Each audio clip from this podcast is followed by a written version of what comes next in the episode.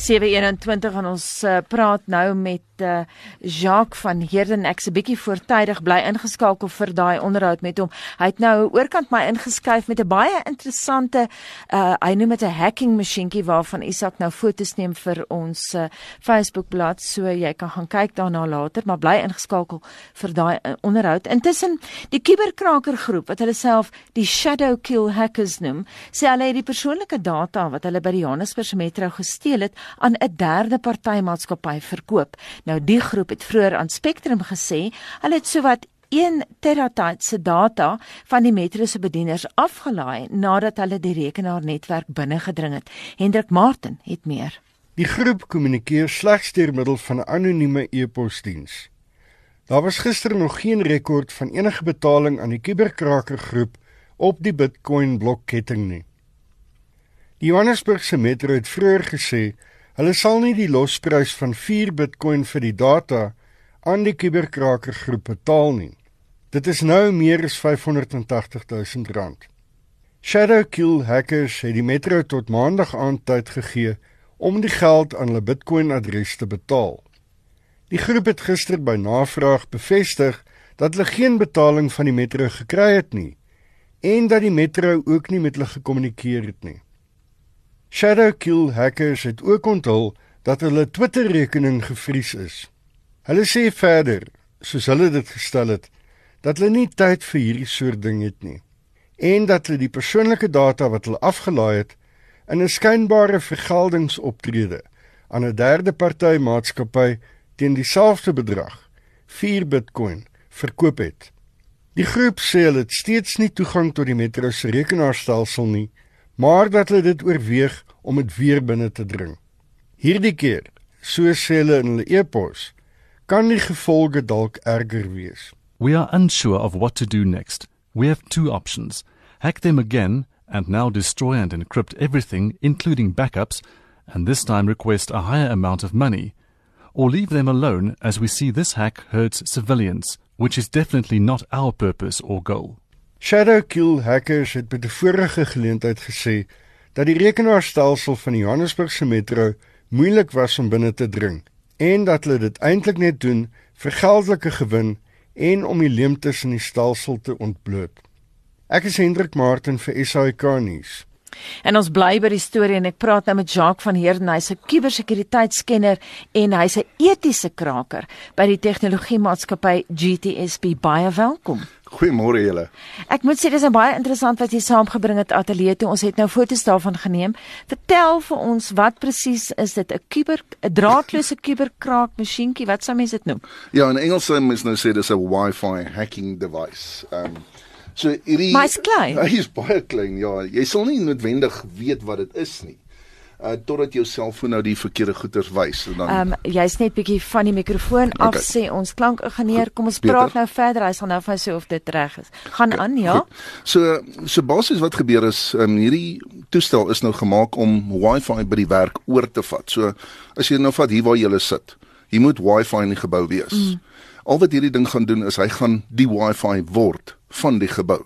So almal wat dan hulle foon of hulle tablette of hulle rekenaars koppel, koppel Wi-Fi toe, koppel dan na my Wi-Fi toe en ek beheer dan daai toestel. Jacques, hoe maklik is dit om dit te doen? Ag nee, dis baie maklik. Dis dit regtig as hy alreeds gekonfigureer is, vat dit my letterlik net die opstart en dan sal jy programmetjies opgestart en dan sit verby dan dan besit ek jou wifi netwerk.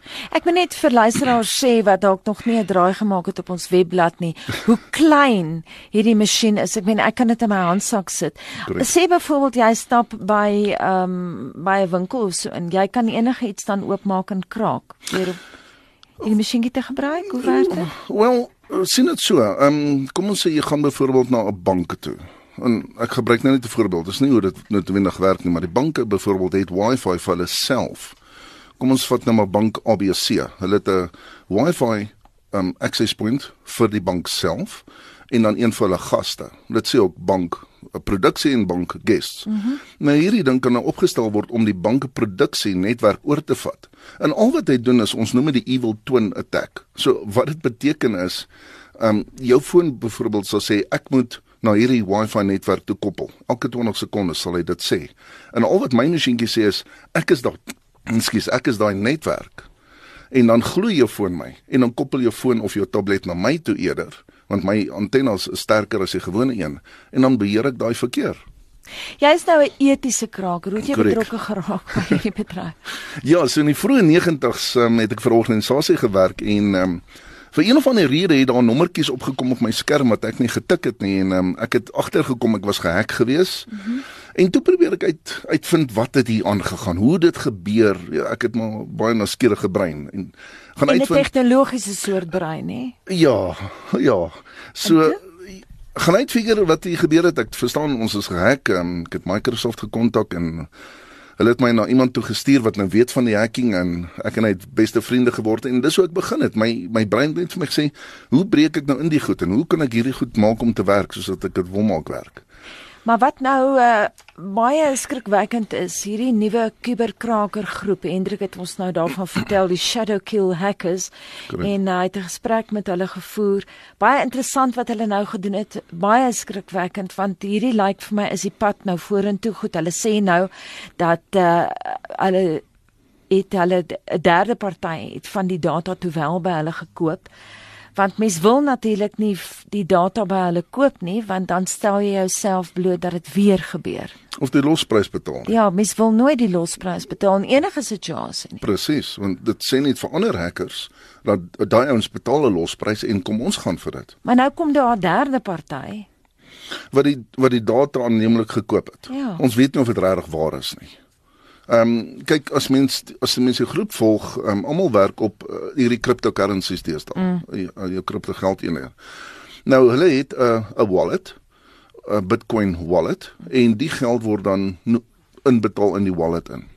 Nou, die wallets is um, publiek beskikbaar. Jy kan gaan kyk of die geld in die wallet is en tot en met gisterand toe was daar 1 dollar en 4 sent in die wallet wat R14.80 is omtrent. So niemand het geld inbetaal in daai spesifieke wallet, Bitcoin wallet nie. Maar niks sê ons ook laat hulle dalk enige ander wallets gebruik het nie.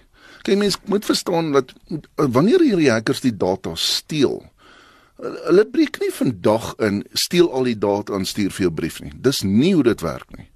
Jou hacker breek in jou netwerk in en hy sit vir omtrent 6 maande op jou op jou netwerk. Want hy moet leer hoe werk alles. Wat hy dan doen, sy heel eerste taak is om 'n ons noem dit 'n backdoor te plant. Want hy weet hy gaan uitgevang word. So die backdoor word dan geplant in die backups van die organisasie in. Eerste ding. So nou wanneer jy jou backups maak in die organisasie, backup jy hulle backdoor ook. Nou wat gebeur? 6 maande later het hulle nou wat hulle wil hê en hulle steel al jou data en hulle stuur vir die ransom brief. Alles goed en wel. Jy sê fyn, ons gaan nie ransom betaal nie, ons restore van die backups mm, af. Mm. En ehm um, daar restore jy hulle backdoor vir hulle. Nou het hulle weer access na jou systems toe. Ah. Wat van die derde party? Wat sou hulle bevolk met die data doen? Ehm um, dit hang af wat se data nou gelek het. As dit byvoorbeeld soos bankrekeningnommers is, ehm um, baie van die plekke stoor ehm um, persoonlike inligting van jouself soos jou naam, jou van jou ID-nommer ehm um, en jou bank, jou adres en sulke goeders. Baie mense baie hackers kan dit gebruik vir identity theft wat beteken ons maak rekening oop namens jou by 'n organisasie. Hulle koop dan op daai rekening en al wat jy dan kry is 'n rekening op die einde van die dag om te sê, "Well, identity theft happened en nou moet jy maar die rekening betaal." Weet nou moet jy polisie toe gaan en sê dit was nie jy gewees nie, jy moet 'n saak gaan oopmaak en dit is 'n langdradige proses om jou vry te kry van dit as jy vrykom op einde van die dag. Sjoe. Nou ehm um, die kuberkrakers sê in 'n e-pos wat hulle gistermiddag uh, aan Hendrik gestuur het, hulle vermoed dit is die Metro self wat die data teruggekoop het. Is dit moontlik daai derde party was die Metro self? nee, ek weet nie, ek kan nie dit sê nie, maar wat baie wat baie gebeur ehm um, die jou groot organisasies wat gelek word of wat gecompromise word, hulle sal die ouens op 'n ander manier betaal om stil te bly. Dink 'n bietjie so daaraan. Club Leisure is oor die naweek gehack ook. Mhm. Mm hulle employee data is uitgelek. Hulle salaris En hulle salarisse. Hulle salarisse is uit. So almal kan sien watter elke persoon verdien in die organisasie. Wat se onmin sou dit nie veroorsaak Uh, nie? Jy kan jouself voorstel, Hmm. um, ek sien wat my kollegas verdien in die organisasie. Maar dit is dis nog alles oukei, okay, maar hulle domein is gecompromise. Nou wat is 'n domein? Al die rekenaars binne in jou netwerk koppel na 'n 'n 'n ons ons noem dit 'n bediener in Afrikaans. Jou jou servers toe. En daai servers hou jou username en jou paswoord van almal in die organisasie. As daai server bediener ge, ge word, is dit nie se verby. Dan het hulle jou username en paswoord van al jou users. Wat hierdie groep gedoen het is um, hulle het nou so Club Leisure het hulle die hele domein se details, al die usernames en passwords en al die service accounts met hulle usernames en password op die internet gesit. Plus al hulle kliënte wat na hulle toe koppel se username en passwords. Wat doen jy nou? Jy kan nie nou net sê kom ons verander al die username en passwords nie. En dis nie hoe die hackers werk nie. Ons werk op 'n um, 'n golden ticket rule wat beteken ons embed iets in daai Active Directory system in en jy sal my access gee vir die volgende 10 jaar. Jy kan my jou paswoord verander, maar vir die volgende 10 jaar sal daai netwerk my vertrou. So op die einde van die dag moet jy daai netwerk oorbou en dis waar die probleem begin. Ek wil nou juist vir jou vra op 'n praktiese vlak, het my nou skoon benoud hierso. Hoe veg 'n mens terug, Jacques? Uh, dit is dis baie moeilik om dit te sê. Baie organisasies sê kom ons laai die backups terug en dan gaan ons net voort. En dis nie hoe jy werk nie. Jy moet oorbegin. En Ons kan nie ek bedoel die organisasies van vandag is so kompleks. Jy kan nie sommer net sê kom ons bou ons netwerk oor vir die vol. Kom ons vat hierdie naweek, ons sit alles af hierdie naweek, ons bou die netwerk oor. Jy kan dit nie doen nie. So nou sit jy met 'n ding in jou netwerk. Jy weet nie waar hy is nie, maar nou moet jy ding begin threat hunting. Nou moet jy gaan threat hunting beteken ons gaan soek waar hierdie dreigement vandaan kom en wat is nog alles geïnfekteer. Maar dit kos jou geld. Dit kan jou baie vinnig miljoene rande 'n maand kos net om 'n geskoolde mens op daai netwerk te hê om te kyk wat hy wat hy kan kry. Wat se raad het jy vir oggend vir ehm um, vir mense wat luister? Ek het jou nou gevra hoe beskerm jy jouself? Hoe veg jy terug? Die een ding wat ek sien is die publiek is nie altyd bewus van van hacking en die metodes om dit nie, die kuberkrakery nie. Mm. As mens dink aan jou selfoon, Hoeveel mense weet wat se inligting gee jy uit van jou selfoon verniet? Jy jy weet tog nie. Ek bedoel as jy Facebook install, ja. die applikasie soek sekere regte van jou. Ja ja. Hy sê gee my akses na jou um, mikrofoon toe, jou kamera en so voort. En jy gee dit alles vir hom.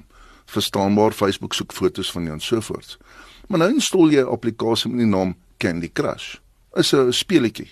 Die applikasie kom en hy sê vir jou hy soek akses na die mikrofoon toe. Wel nou dink jy hoekom sal ek akses soek na 'n mikrofoon te maak wil jy speletjie speel kom ek gee hom akses. Mm. En dieselfde met die met die kamera en so voort. Mense gee te maklik um toegang, toegang vir die applikasies en dan op die einde van die dag is hulle data uit dan weet hulle nie hoe hulle data uitgelek het nie. Mense weet nooit wat aangaan op jou slimfoon deesdae nie. As jy pas ons uit aangesluit het liewer ek praat ver oggend met 'n etiese kuberkraker Jacques van Heerden. Daar sal mense wat wees wat sê hoe op aarde kan jy 'n etiese 'n ethical hacker? Hoe kan jy 'n etiese kuberkraker wees? jy vir hulle antwoord. Ehm um, so uh, ja, dit gebeur baie jy sien baie goeters maar jy kan niks omtrent doen nie. Soos byvoorbeeld ek gee klas ook.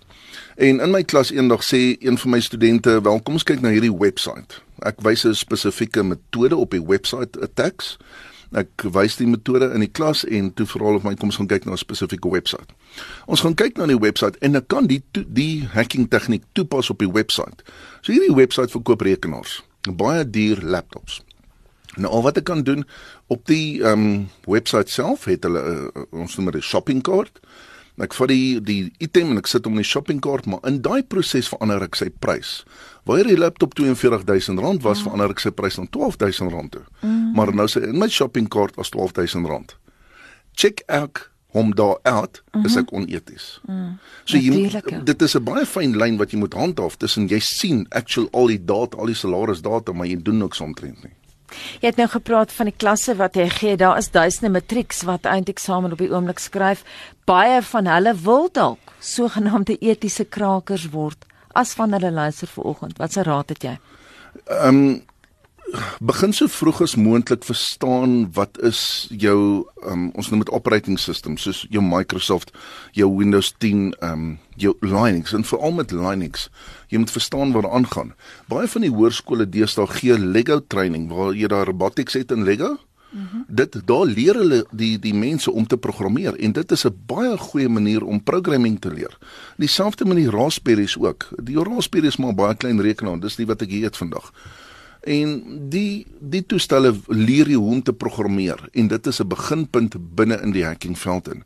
Ek sê altyd hacking is 'n mindset. Jy moet jy moet wil leer. Jy moet iets wil leer. Sien dit so, daar's 'n rekenaar. Hoe kom ek in daai rekenaar in? Kan ek vir jou memory stokkie gee? Kan ek vir jou e-pos stuur? Hoe kan ek in daai rekenaar inkom?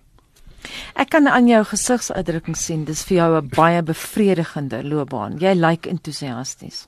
dis waar ja, dit is dit. Ja, ek maak geld uit dit uit. Um, ek doen dit al vir 'n hele paar jaar. Ehm um, dis 'n baie interessante veld ook. Voordat ons op die lug gegaan het, jy vir my gesê jy het die polisie ook gehelp op uh, oor Tambo. Ja, so wat basies gebeur is ehm um, netwerke of jou national key points het wifi by hulle julle is 'n national key point ook. So mm. die die basiese konsep is kan 'n wifi net kan 'n wifi device in 'n national key point geplan word en kan ek daai wifi oorvat en wat is die skade van dit? Wil by by Oortambo en dit was nou redelik serieus geweest. By Oortambo het ek fone oorgevat en tablets van van 'n hele klomp mense en niemand het geweet daarvan nie maar ek het niks daarmee gedoen nie. Jy los my foon vanoggend mooi uit. Hoor Jacques van Heerden.